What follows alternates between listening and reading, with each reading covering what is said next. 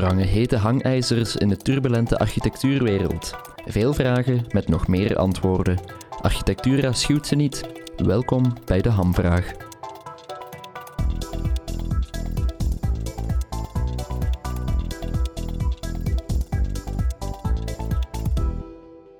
Dit is een podcast van Architectura, mede mogelijk gemaakt dankzij Finsteral, Van der Zande en All Colors of Communication. Ik ben Stef Pennemans en uw host van dienst is Lisbeth Verhulst. Is het deelnemen aan een architectuurwedstrijd een te groot financieel risico? Ja. Nemen bureaus te snel deel aan een architectuurwedstrijd? Ja. Zijn ontwerpwedstrijden nadelig voor de kleinere bureaus? Nee. Krijgt lokaal talent te weinig kansen door de aanstelling van buitenlandse architecten? Nee. Zou je architectuurwedstrijden met een te lage vergoeding mee boycotten? Ja. Oké, duidelijk. We gaan uh, straks nog ontdekken waarom. Welkom bij de podcast De Hamvraag. Vandaag zoeken we een antwoord op de hamvraag. Eigenlijk zijn het er zelfs twee. Hè. Zijn ontwerpwedstrijden een zegen voor de architectuur, maar nefast voor architecten? Om deze vraag te beantwoorden zitten bij ons vandaag Christian Boret, uh, de Brusselse bouwmeester, Steven Lanno, directeur van NAV, en uh, Kelly Hendricks, zaakvoerder van het architectenbureau Bild. Welkom allemaal. Kunnen jullie zichzelf eventjes voorstellen voor luisteraars die jullie misschien nog niet kennen? Kelly, ik zal bij jou beginnen. Ik ben Kelly Hendricks van Bildarchitecten. We zijn een architectenbureau van ongeveer 9 à 10 medewerkers. En we zitten heel centraal in België, in, in, Brussel. En waarom ben je uitgenodigd voor deze podcast? Of? Ik denk omdat we vooral inzetten op overheidsopdrachten. Ehm, dus we hebben er wel een soort van model van gemaakt om vooral in te zetten op wedstrijden. En onze opdrachten via wedstrijden te bekomen. Steven? Ik ben dus Steven Lano, uh, directeur van Netwerk Architecten Vlaanderen. Wij zijn de grootste architectencommunity uh, van Vlaanderen. We bieden heel veel dienstverlening aan aan architecten. Uh, we zijn ook een belangenbehartiger van architecten. En het is in die context dat ik hier zit. Een van onze belangrijkste dossiers gaat eigenlijk over um, aanbestedingsprocedures of wedstrijden, zoals we die noemen voor architectuuropdrachten. Oké, okay. Christian? Ik ben uh, Christian Boret, sinds 2015 bouwmeester in Brussel. Dat heet officieel de bouwmeester met architect. U weet wel waarom. Uh, en ik ben voordien ook uh, bouwmeester geweest in, de, voor de stad Antwerpen. En dus ik denk dat ik altijd aan de andere kant van de tafel zit dan Kelly. Hè. Dus wij organiseren heel ja. veel architectuurwedstrijden. Ja, oké. Okay. Welkom allemaal. Um, ja, ontwerpwedstrijden, ik denk dat iedereen het daar wel over eens is, dat die bijdragen tot de architectuurkwaliteit. En u hebt natuurlijk ervaring uit eerste hand in uh, Antwerpen en vooral in Brussel de laatste jaren. Hoe heeft, hoe heeft u de impact van de wedstrijdcultuur in Brussel zien evolueren de laatste jaren? Ja, ik denk als ik uh, in 2015 al, een tijdje geleden al begon, was het effectief mijn bedoeling om de wedstrijdencultuur nog meer uit te bouwen. Hè. Mijn voorganger Olivier Bastin had de eerste stappen gezet. Dat is een procedure grondvesten. Ik heb ze opengeplooid. Hè. Meer wedstrijden, meer verschillende soorten opdrachtgevers, meer verschillende onderwerpen. Dus ik denk wel degelijk dat er een impact is. Ik ik denk, dat je kan zeggen dat het niveau, de kwaliteit van de architectuur in Brussel verbeterd is in de loop van de jaren. Maar ik denk vooral een ander aspect is dat de markt opengebroken is. Brussel was een heel gesloten circuit, met altijd dezelfde architecten, dezelfde ontwikkelaars. Je moest elkaar kennen om daar aan het werk te gaan. En dus een wedstrijd, dat was ook mijn bedoeling, breekt dat open. Wil uh, toegankelijk zijn, wil iedereen uh, gelijke kansen bieden, level playing field. En op dat vlak, zeker, is er in Brussel veel gebeurd. Ik denk dat wedstrijden op die manier ook, uh, zou je kunnen zeggen, democratiserend zijn. Iedereen toegang geven tot opdrachten. Ja, absoluut. Ik denk dat we ook heel bewust, um, want uh, bij ons is alles redelijk berekend op vlak van uh, wedstrijddeelnames en ook de financiële risico's die daar um, bij horen. En we hebben sowieso, heb ik beslist in het begin, om nog niet in te zetten in Brussel, omdat het een heel moeilijke omgeving was, een heel moeilijke cultuur om in door te breken. Dus we hebben eerst de nodige ervaring opgebouwd. En nu pas, wanneer ik uh, het gevoel heb dat er echt een, een structuur is, uh, waarin alles uh, goed georganiseerd is, zijn we daar ook verder op aan het inzetten. Maar het is eigenlijk wel heel bewust geweest om eerst in Vlaanderen eigenlijk ehm, een soort van basis op te bouwen.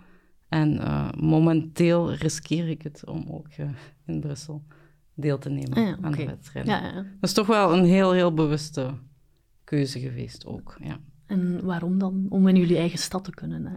eh. ja absoluut, want het is sowieso een, een streefdoel. Ehm, maar ik vond ehm, dat de wedstrijdcultuur in Vlaanderen was eigenlijk al redelijk degelijk ehm, onder... Voilà. Ehm, de procedures waren toch al redelijk goed onderbouwd. Ehm, het was een democratisch proces, denk ik, sowieso al. En eh, nu heb ik het gevoel dat in Brussel ehm, er ook meer mogelijkheden zijn om echt eh, deel te nemen aan eh, wedstrijden die ook effectief eh, uitgevoerd worden. De volgende Ja. stap, ook niet onbelangrijk. dus er gebeurt nu wel van alles. Ehm, jonge bureaus krijgen effectief kansen. Dus ik denk dat nu het moment is aangebroken dat we ook daar durven aan deel te nemen. Ja. Ja. En hebben jullie er al eentje gewonnen? In Brussel zijn we nu met verschillende opdrachten bezig. Ja, ja. Uh, dus dat is op zich wel heel fijn. Um, maar ik vind het wel uh, belangrijk om toch die keuzes heel doordacht te maken. Want anders ja. uh, zijn de financiële gevolgen echt uh, te groot. Ja, um, ja, daar gaan we het inderdaad nog later in de podcast over hebben. Um, ja, in een podcast over ontwerpwedstrijden kunnen we ook niet om de open oproep van de Vlaamse bouwmeester heen natuurlijk. Wat heeft die volgens jullie teweeggebracht? Ik, ik, denk dat de impact van de open oproep uh, niet te onderschatten is. Dat eigenlijk een hele generatie ontwerpers daardoor kansen gekregen heeft. En dat dat een van de elementen is die zorgt dat er in Vlaanderen nu een goed architectuurklimaat uh, bestaat. Hè. Er zijn er nog andere. Om te beginnen goede ontwerpers. Hè. Het gaat niet alleen over procedures en uh, omkadering. Hè. Er is het Vlaams Architectuurinstituut, er is het Jaarboek Architectuur. Dus daar bestaat nu heel veel. Hè. In Brussel was dat niet zo, zoals Kelly aangaf. Hè. Er was een soort achterstand. Hè. Aan de andere kant denk ik, uh, de open oproep is natuurlijk een zeer beperkt aantal opdrachten. Hè. Soms is het, uh, ik noem dat dan de opdrachten voor op zondag. Hè. Als een gemeente de moeite wil doen, uh, architectuurkwaliteit behalen, dan kiezen ze voor een oproep. Maar ze doen ook door de weekse opdrachten. Ik denk dat mijn aanpak uh, in Brussel, maar dat was eigenlijk ook in Antwerpen, voor een stad is dat anders, dat je ambieert ook het algemene architectuurniveau naar boven te krikken. Dus ook de kleinere opdrachten, ook de andere opdrachten. Wij organiseren in Brussel uh, meer dan 50 uh, wedstrijden per jaar. Dat is elke week één. Ja. Dus dat is ook een groter aantal dan de open oproep. Ja, ja, ja. ja. Het eens met die analyse, Steven? Ja, um, ik denk dat op, uh, de open oproep heel belangrijk is geweest om ons kent ons cultuur te doorbreken. Um, en in het algemeen de wedstrijdcultuur, uh, ja, dat is een veel betere manier van aanpakken dan dat, dat vroeger uh, het geval was. Um, en bij de open oproep zit dan ook niet het probleem. Dat is niet waar we... De problemen waar we vandaag mee geconfronteerd worden, die zitten elders. Waarbij dat een deel van die open oproep, of, of een deel eigenlijk van... Uh, van dat model gekopieerd wordt, mm. maar heel vaak zonder kennis van zaken, waarbij men niet begrijpt waar dat eigenlijk voor dient, um, met alle gevolgen van dien, uh, financieel en uh, risico's voor de bureaus, en vooral naar de workload, de hele grote workload die dat met zich meebrengt. Um, en daar zit het probleem. Dus de op oproep die heeft heel veel goeds gedaan, ja. um, maar het, het, is, het verhaal is niet af, want we moeten een cultuur nu krijgen waarbij dat voor alle aanbestedingen Um, dat er een beter model naar voren wordt geschoven, dat ook rekening houdt met het feit dat er daar mensen dag en nacht moeten aan werken en dat die dat niet zomaar gratis kunnen doen. Ja, ja, ja. ja we hebben het nu al vooral gehad over ja, publieke opdrachten. Um, worden er nog te weinig wedstrijden gedaan voor private opdrachten, naar jullie mening? Is daar nog werk aan de winkel? Nou, ik denk dat je daar ook een, een verschuiving ziet en dat we nu ook um, van private opdrachtgevers de vraag krijgen om deel te nemen aan een ontwerpwedstrijd. Uh, um, die ongeveer gebaseerd is op uh, de procedure van openbare opdrachten. Uh, daar spelen soms ook nog wel andere dingen, dus dat maakt het iets minder uh, transparant soms, maar geeft wel de mogelijkheid om toch die kwaliteit en ook um, ja, te garanderen en ook de kans te krijgen om daaraan deel te nemen. Um, dus het is opnieuw het creatieve proces, um, het onderzoek, het ontwerpend onderzoek, um, waarmee je de kans krijgt om ook iets te bewijzen uh, bij die private opdrachtgevers. En dat vind ik wel heel positief. Ehm, dus we krijgen meer en meer die vraag. Ehm, Ja. dus ja.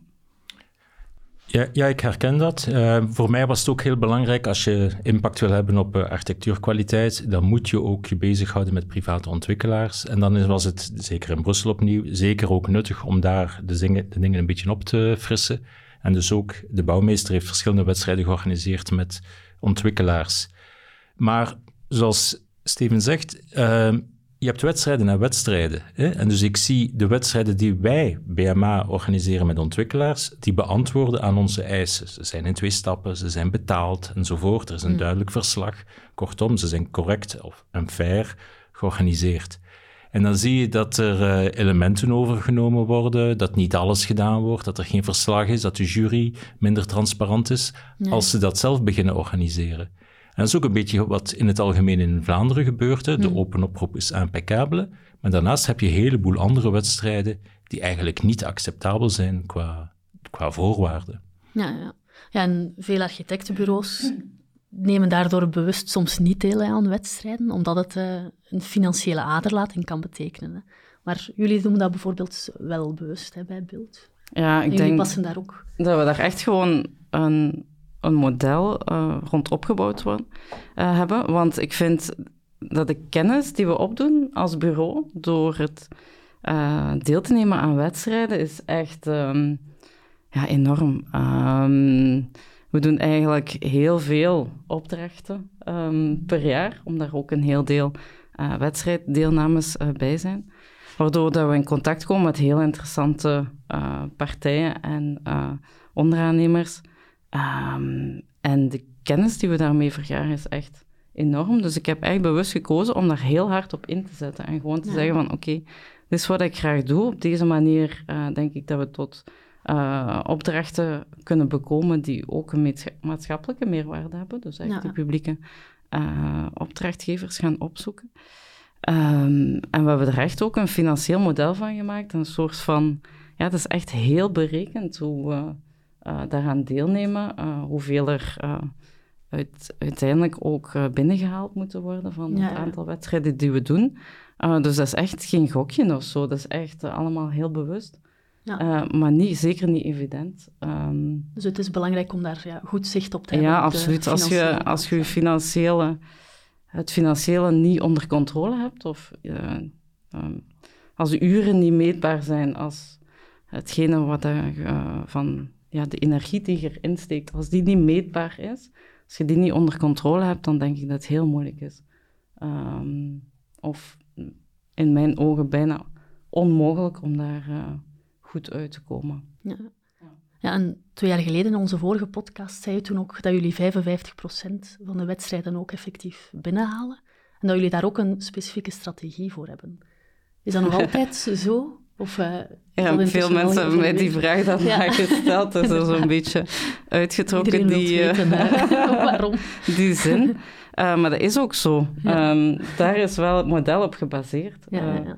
ehm, ja, eerst en vooral ben ik misschien ben geen slechte verliezer, maar ik verlies wel eerst en vooral echt en niet graag en niet veel. Dus dat was ook heel belangrijk dat dat percentage voldoende Ja. hoog was. Want ja, zwart. Ehm, maar langs de andere kant kun je ook wel door bewuste keuzes te maken daarin.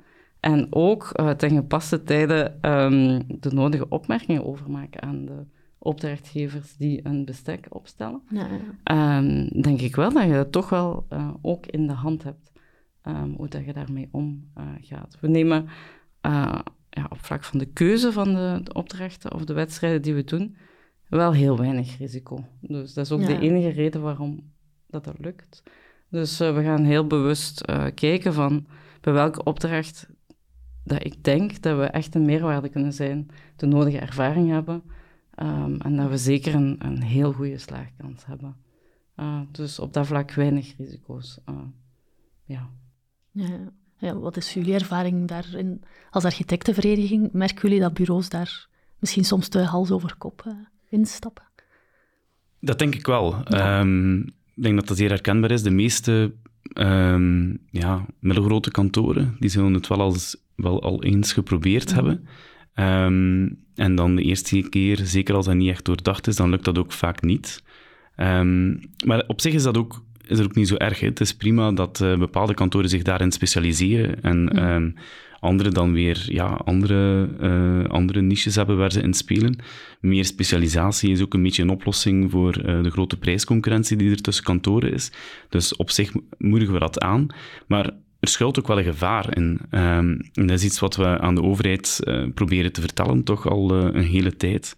Um, als die voorwaarden voor de wedstrijden niet beter worden, ja, dan gaat uh, er nog steeds meer, gaat er steeds meer specialisatie komen.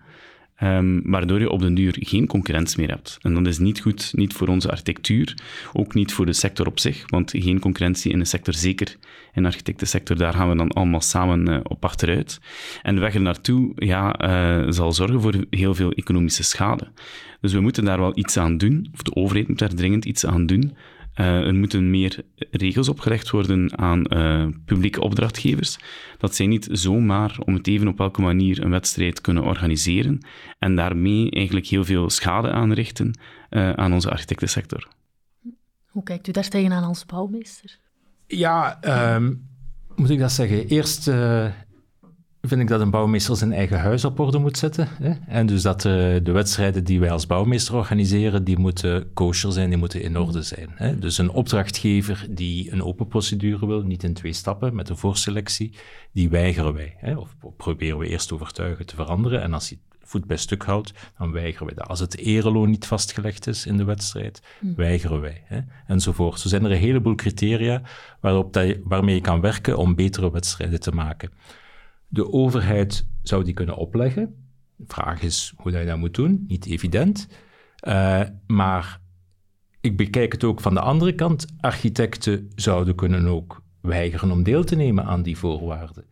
Uh, niemand verplicht een architect deel te nemen aan een wedstrijd of een aanbesteding die slecht in elkaar zit. En in het verleden heb ik inderdaad opgeroepen uh, een voor een boycott voor dergelijke wedstrijden. Dat is ook omdat ik weet, architecten onderschatten misschien hoe sterk dat wapen is. Hè?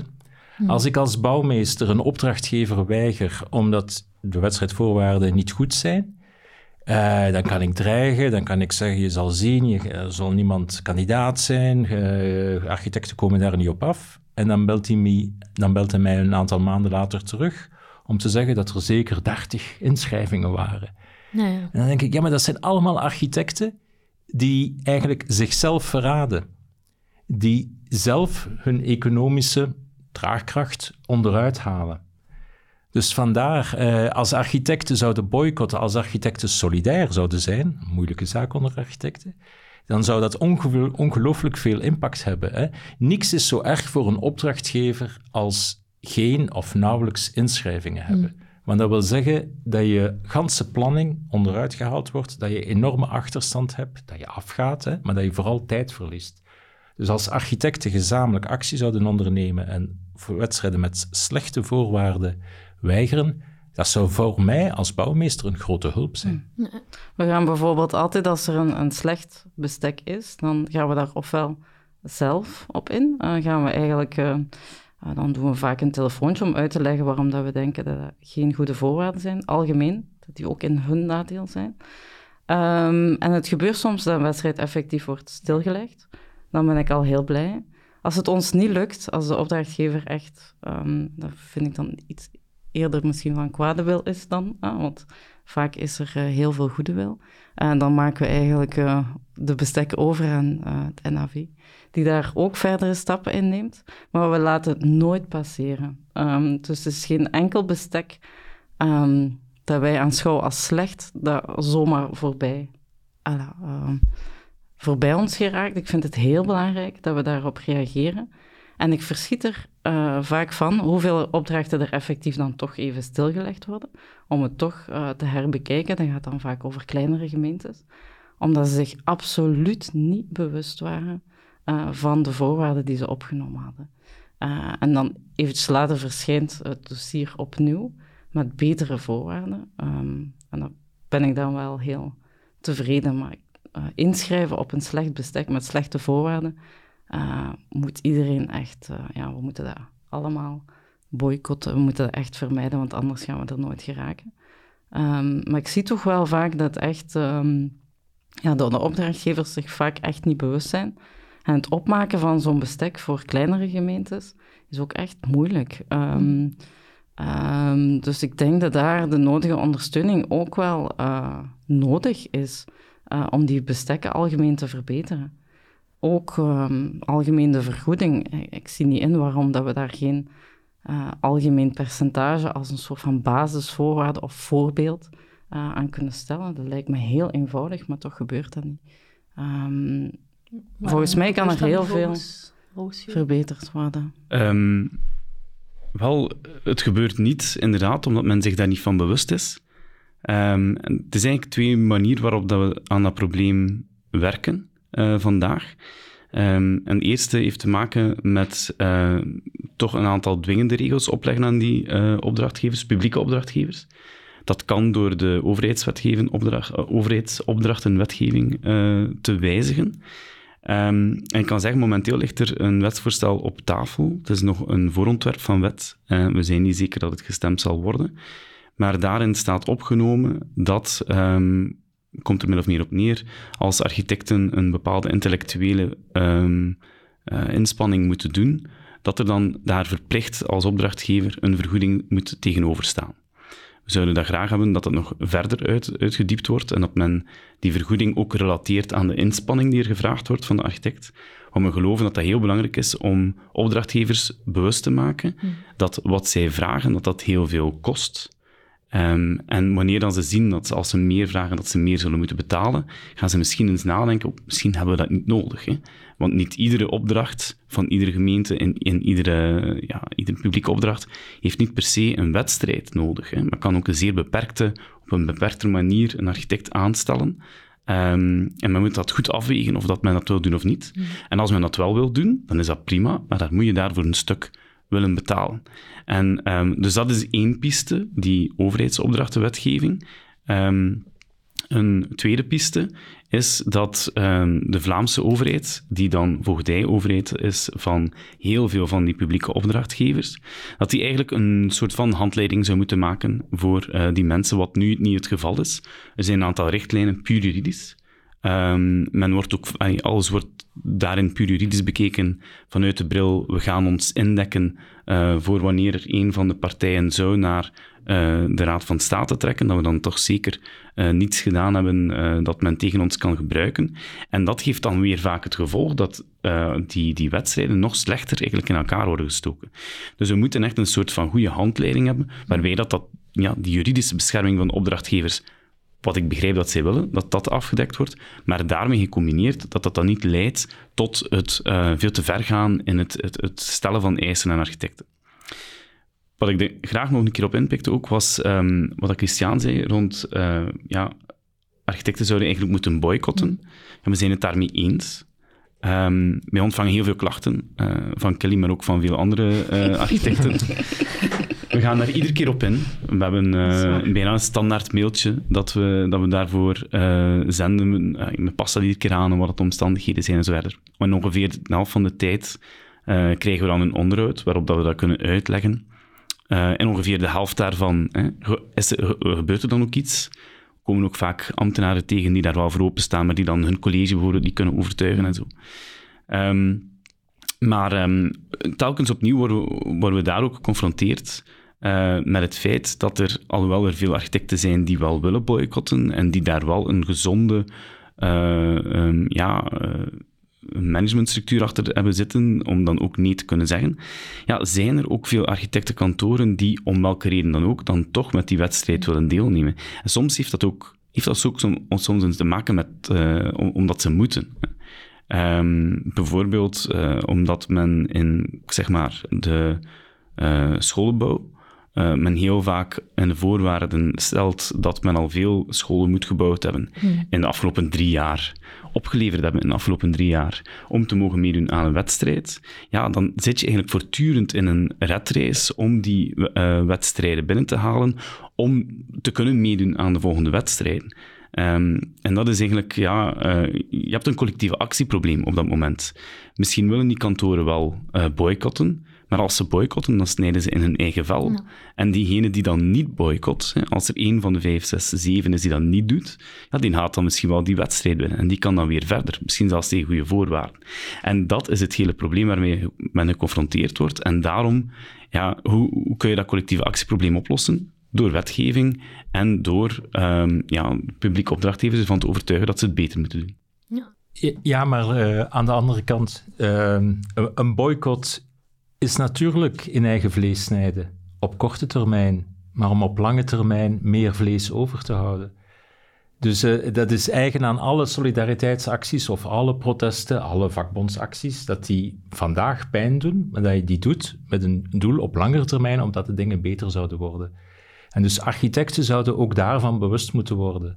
Uh, dat, dat ze op die manier eigenlijk werken aan hun emancipatie, om het zo te zeggen. En omgekeerd, door voortdurend toch nog te braderen op prijzen, of om, zoals je zegt, die mechanismes van uh, de selectiecriteria, om er nog, toch nog deze keer bij te zijn, ja, ooit uh, bekopen ze het en ze, komen op die manier in een negatieve spiraal terecht. Dus ik denk echt dat beide nodig zijn. Ik denk dat er meer richtlijnen nodig zijn van de overheid, maar meer lange termijn denken aan de kant van uh, de architecten. En nog eens, wij steunen dat. Hè. Maar het probleem is dat onze vakbondsacties zijn niet de vakbondsacties zoals ze nu zijn. Hè. Waarbij dat er enorm veel sociale regelgeving bestaat die ervoor zorgt dat iemand eigenlijk op een veilige manier een, een vakbondsactie kan doen. Wij opereren op dat vlak eigenlijk een beetje zoals uh, in de tijd van Daans. Hè. Ja, uh, er zijn geen regels die daaronder liggen.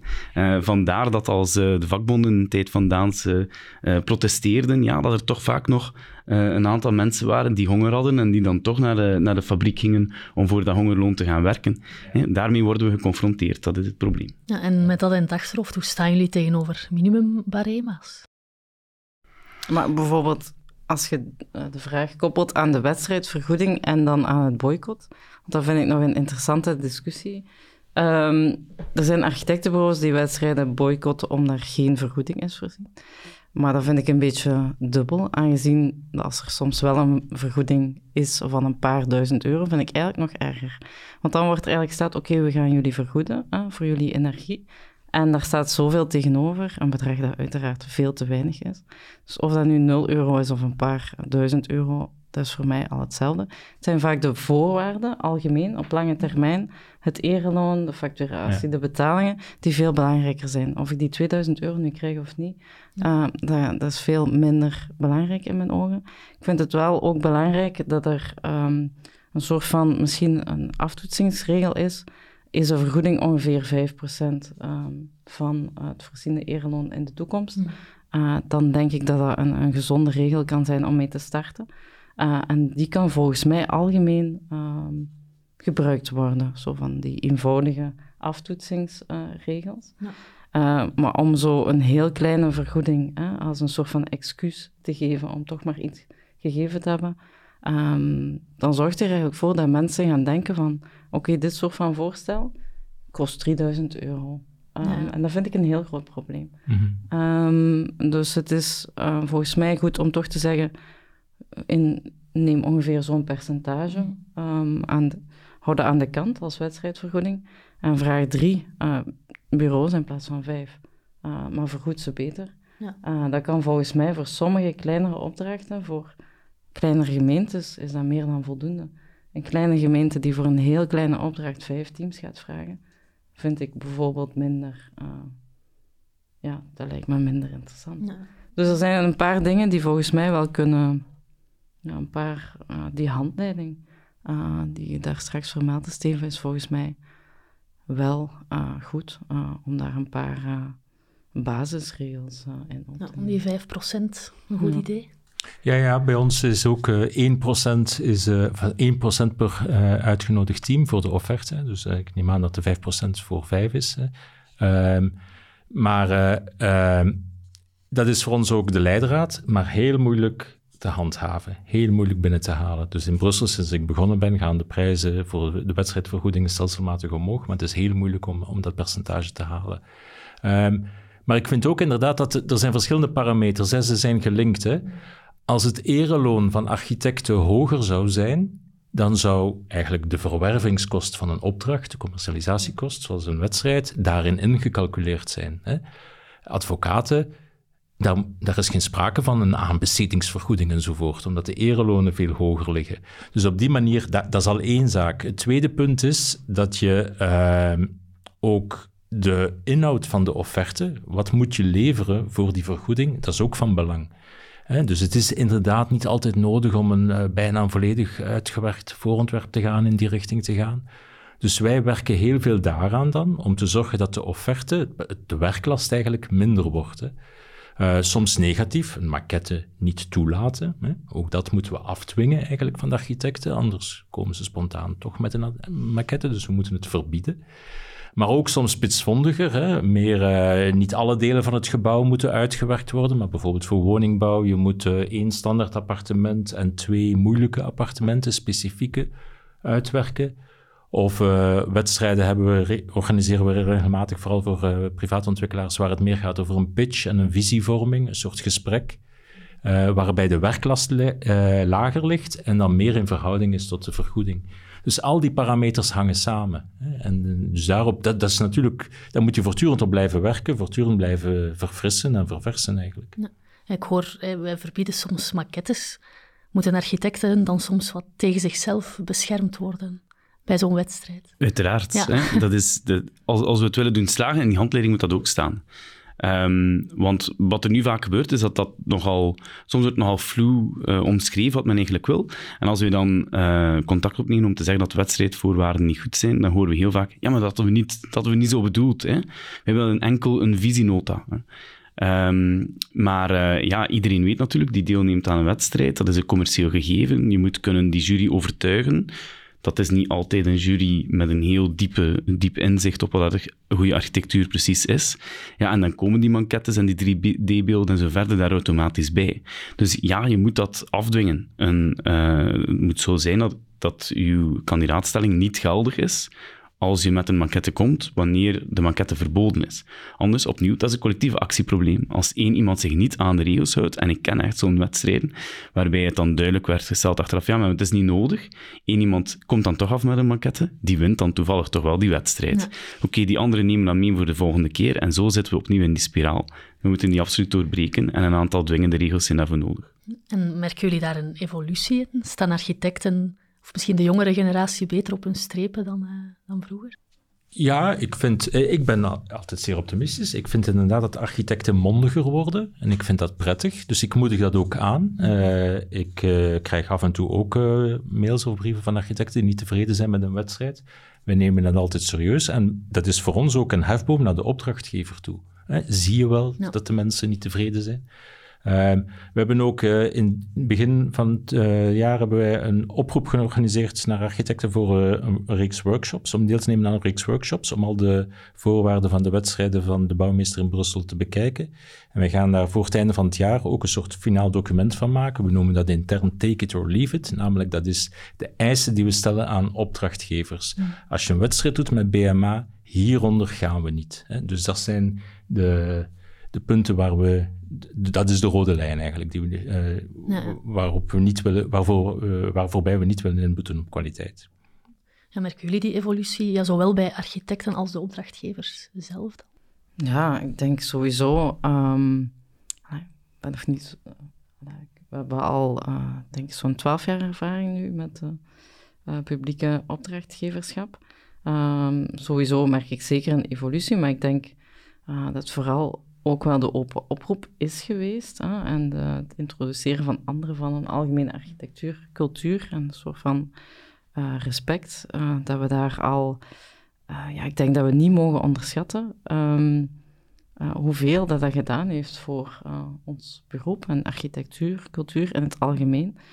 Um, ik heb ook heel veel internationale vrienden en kennissen Um, met eigen architectenbureaus. En als ik uh, onze situatie vergelijk hier met hun, uh, mogen wij echt van geluk spreken. Ik wil hier niet zeggen dat alles uh, daarmee meteen oké okay is. Um, maar ik denk dat we dat toch een beetje onderschatten in wat voor een um, omgeving we eigenlijk onze creativiteit kunnen laten ontplooien en kunnen zaak voeren. Want vergelijkend met hun ja, voor hen is het echt veel, veel moeilijker, ook als jonge architectenbureaus, om, om door te breken en Ehm, dus op dat vlak mogen we dat volgens mij niet vergeten, dat we hier heel veel geluk, hebben, geluk hebben ook. Ja. Ehm, dus ehm, ik vind het ook wel belangrijk om dat we dat ook af en toe wel goed beseffen, dat we in een heel mooie omgeving kunnen werken. Ja, ja, ja. ja. ja. en om daar wat op voor te gaan, een kritiek die wij ook wel soms horen over de wedstrijdcultuur, is ja, dat architectenbureaus heel fel in competitie gaan met elkaar dat het dan zaak is om zo snel mogelijk een zo gerenommeerd mogelijk ontwerpteam samen te stellen, wat dan vaak in het voordeel speelt van de grotere, meer gekende bureaus. Zijn jullie het daar mee eens of is dat een uh, onterechte kritiek? Ja, dat is volgens mij opnieuw op lange termijn, gedurende heel uw opdracht, is dat soms uh, toch niet zo verstandig, denk ik. Om uh, van in het begin voor elke opdracht het meest gerenommeerde team van onderaannemers en ingenieurs bij elkaar te verzamelen. Sommigen maken er nu echt wel een sport van om zoveel mogelijk mensen ja. te verzamelen. ik denk dat je daar heel strategisch mee moet omgaan. Voor sommige opdrachten is er heel veel wil en animo om het met een heel rijk en ervaren team te doen. Mhm. Maar als je echt voor de grotere opdrachten die heel lang duren, op lange termijn, als je daar echt, um, ja, denk ik dat je heel goed moet nadenken uh, over het ereloon van alle verschillende partijen samen, ja. voordat je daarin moet springen. Dus ik zie daar wel een evolutie in, um, dat daar wel ja, soms een hele race uh, teamleden bij elkaar gezet worden, waar ik soms twijfels over heb of die op lange termijn ook wel vergoed worden. Ja, ja, jullie kijken daar wel naar, veronderstel ik, naar het volledige team? Ja, nee, wij willen dat ook relativeren. En uh, wij weten dan inderdaad, we noemen dan, uh, dus als er een, uh, een, wedstrijd gepubliceerd wordt, dan begint de, de koers om zo snel mogelijk ja. te bellen naar dit of dat ingenieursbureau, in de ja. hoop dat die met ons, of met een architect willen meedoen. Wij vinden dat eigenlijk ja, een beetje wild. Hè? Um, en ook, uh, wij vermoeden ook dat dat inderdaad niet zo gunstig uitdraait voor de jonge architecten. Dat een groot bureau wel eens kan zeggen, ja, maar ik wil dat je in exclusiviteit alleen met mij werkt. Uh, want anderen, je hebt toch al veel grote opdrachten van mij gekregen. Dus dat zijn allemaal geen gezonde mechanismes. Hè. Daarom organiseren wij vrij veel voor alle opdrachten onder de 140.000 euro. Is het eigenlijk een vorm van een kandidaatstelling met 1 à 4, waarbij je eigenlijk geen uh, garanties moet geven over de teamsamenstelling. Uh, zodanig dat iedereen daarin gelijk is. En nu experimenteren we ook samen met Beliris, de federale overheid, om dat voor grote opdrachten te doen, boven de 140.000 euro. Dat je in de kandidatuurfase alleen met de kernexpertises van het team moet inschrijven. Dus bijvoorbeeld de architect en de landschapsarchitect, eh, afhankelijk van het geval, of ook in sommige gevallen met een ingenieur, als het een echt een, een moeilijk bouwwerk is. Maar voor courante projecten is het niet nodig in de kandidatuurfase en moet je alleen je team vervolledigen met die expertises voor de offertefase, dus voor de tweede stap. Opnieuw om uh, de markt open te breken en om democratiserend te werken. Dus je kan daar eigenlijk aan heel veel. Een, een, wedstrijdprocedure heeft ongelooflijk veel parameters. We hebben het nog niet gehad over de selectiecriteria, de omzet mm. bijvoorbeeld, die eigenlijk geen criterium zou moeten zijn. Om, je kan door aan al die parameters te sleutelen, kan je zorgen dat een procedure veel opener is en veel toegankelijker is, ook voor kleine bureaus. En hoe trachten jullie ervoor te zorgen dat die jonge bureaus ook uh, voldoende aan bod komen? Wel, door aan al die parameters te sleutelen, overal de cursor juist te zetten. Hè. Dus de wet verplicht dat je een selectiecriteria moet hebben. Een opdrachtgever heeft graag dat een, is een beetje gerustgesteld dat een architect al gebouwd moet hebben. Mhm. Maar wij vinden dat één referentie waarbij je gebouwd moet hebben, dus een, een, project dat opgeleverd is, dat dat voldoende is. Als je het één keer gedaan hebt, dan zal je het ook wel een tweede keer kunnen. Dus je moet geen drie bewijzen geven dat je een opgeleverd project hebt. We vinden ook dat bijvoorbeeld uh, de omvang van dat project, dat dat niet even groot moet zijn. Hè. Om een gebouw te maken van 10 miljoen euro, moet je volgens ons niet al een gebouw gemaakt hebben van 10 miljoen euro. Wij pleiten 1 derde à 1 vijfde, dus 3 à 5 miljoen euro. Ervan uitgaand dat je een zekere ervaring moet hebben, maar dat je ook wel kan groeien in die ervaring. Hè. Uh, dus dat zijn allemaal manieren, hele kleine technische dingen om te zorgen dat wedstrijden meer open worden. Ja, en zijn de opdrachtgevers daar zelf makkelijk van te overtuigen? Want inderdaad, die ervaring veronderstel ik dat dat wel geruststellend werkt. Hè? Ja, ja, ja, ja, maar je kan, niet, je kan een opdrachtgever niet overtuigen om iemand zonder Nee. niks ervaring te nemen. Maar je kan wel dus de cursor doen schuiven. Dus Ja, dat, ja. dat vraagt heel veel onderhandelen. Dat is deels van het werk van een bouwmeester. Zeker in Brussel, waar wij enorm veel opdrachtgevers hebben. Hè. Het is, eh, Ja. We hebben geen modelbestek, dus we moeten ons voortdurend aanpassen aan het bestek van de opdrachtgever. Maar dat, dat zijn van die, die waarden, laten we zeggen, die we nu willen vastleggen. Als, dat zijn de waarden die voor de bouwmeester van belang zijn. Als je daar niet in meegaat, doe je geen wedstrijd met ons. Dat is, dat is weer een goed voorbeeld van ehm, ja, waar dat bouwmeesters op die manier betrokken zijn, dat die wedstrijden ook op een goede manier worden vormgegeven. Maar we zien ook veel andere dingen. Eh, wat dat wij voor het vaak zien, is dat ehm, in de eisen er gevraagd wordt dat men een, eh, een aantal referenties opgeeft met een bouwwaarde die eigenlijk hoger is dan het budget dat eh, voorzien is in de opdracht. En als we dan doorvragen van waarom komt dat? Ja, dus omdat we vrezen dat er ehm, heel veel eh, kandidaten zullen zijn. En om, die, om het aantal kandidaten wat in te perken en ons werk wat eh, te verminderen, hebben we die eisen zo hoog gesteld. hè. Ehm, daar zijn veel betere methoden voor om hetzelfde te bereiken, maar opnieuw, het ontbreekt blijkbaar aan kennis en know-how. En dat is ook niet onlogisch, want heel veel van die kleinere opdrachtgevers, ja, die doen dat maar één keer, of die doen dat maar één keer onder tien jaar. Dus die hebben geen know-how. Die moeten dat van ergens anders gaan halen. En het is dat wat we, moeten, eh, wat we gaan moeten opzetten. En hoe kunnen we dat doen? Wie moet dat doen? Wij, wij merken, eh, of wij hebben eh, de vraag gesteld aan eh, het facilitair bedrijf. Dat is de tak van de Vlaamse overheid Ja. die ehm, met zo'n zaken bezig is. Ehm, nu, zij houden de boot nog wat af. We zijn ook met de bouw- Vlaamse bouwmeester aan het spreken, eh, met VVSG, om te zien of we ehm, ja, zo'n goede aanstellingsleidraad eigenlijk kunnen maken met alle verschillende partijen. Daar zal wel wat tijd in kruipen, heel wat overleg.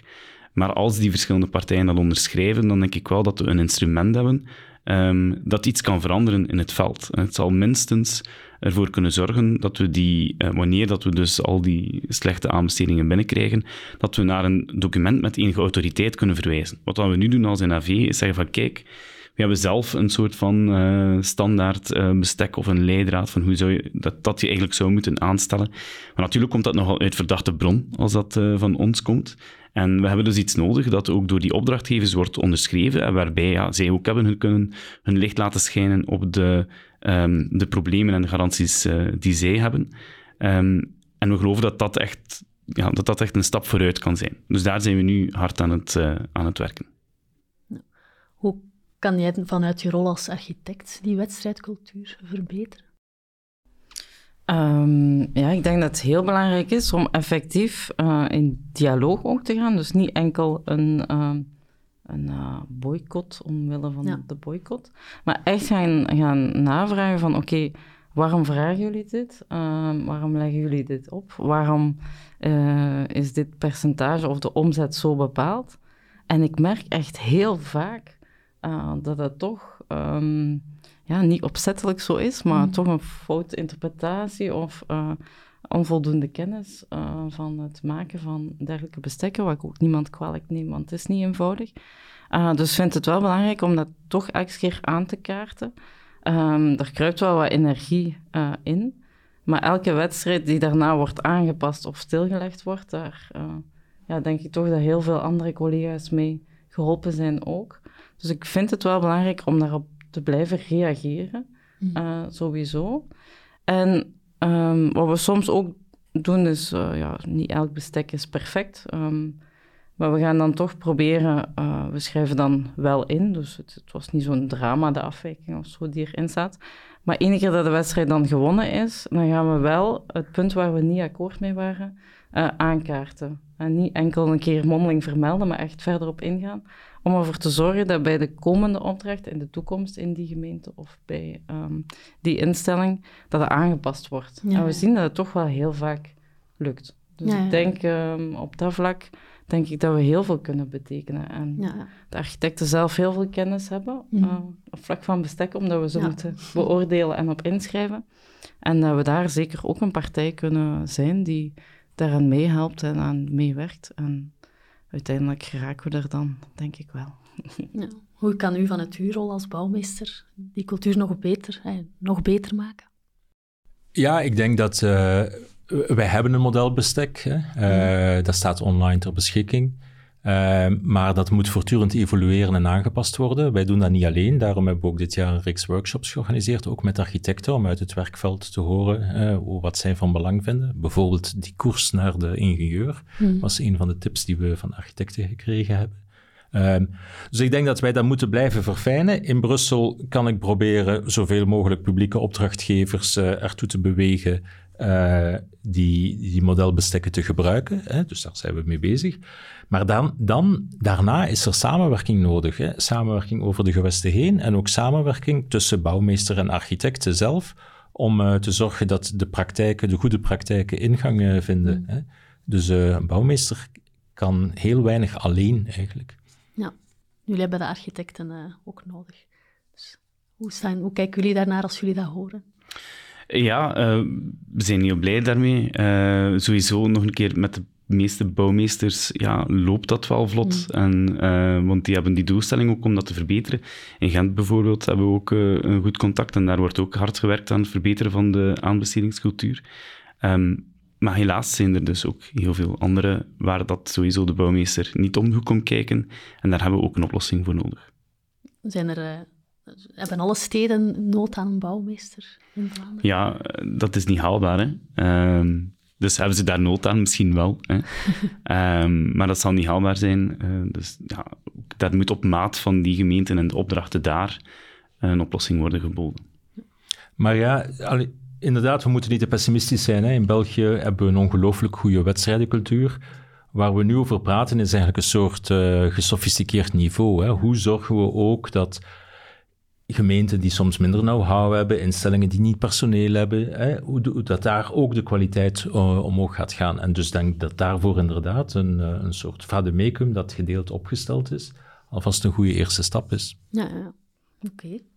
Ik denk dat we wel min of meer aan het einde van de podcast zijn gekomen, maar ja, het belangrijkste is daarin ook uh, die hamvraag beantwoorden. Dus ik ga ze jullie nog eens allemaal kort laten beantwoorden. Zijn ontwerpwedstrijden een zegen voor de architectuur, maar nefast voor architecten? Een zegen. Een zegen? Um, op zich een zegen, uh, maar er moet nog, ze moeten wel nog verbeterd worden, uh, zodat ze niet ook vaak een, uh, een financiële ramp zijn. Want in, in vele gevallen, hè, we hebben vooral de positieve voorbeelden gehoord vandaag, en die zijn er uiteraard ook, maar in vele gevallen zijn de negatieve er ook, en daar moet echt wel aan gewerkt worden. Ja, wedstrijden zijn goed voor goede architectuur. En hoe kan goede architectuur nu in tegenspraak zijn met wat architecten willen? Hè? Dat lijkt me toch moeilijk. Hè? Dus wedstrijden zijn ook van belang voor een maatschappelijk doel, voor een betere ruimtelijke omgeving, een betere stad. Dus ook in het ganse verhaal vandaag, dat gaat vooral over de betaalbaarheid en de financiële kant, moeten we toch ook die doelstelling die buiten de, de, ja, de misschien kleinere, moeilijke, lastige kantjes van ons beroep zitten, die doelstelling die moeten we toch ook in het oog houden. Ja, oké. Dan hebben we een antwoord uh, op de hamvraag gevonden. Bedankt voor jullie komst. Uh, Christian Boret, Steven Lano en Kelly Hendricks. En hopelijk tot snel. Dit was De Hamvraag, een podcast van Architectura. Deze aflevering werd mede mogelijk gemaakt dankzij Finstral, Van der Zande en All Colors of Communication. Ik ben Stef Bennemans, de producent van deze podcast en de host was Lisbeth Verhulst. Ben je geïnteresseerd in meer podcasts? Beluister dan zeker ook de rest van onze reeks De Hamvraag op architectura.be. Bedankt voor het luisteren en tot horens.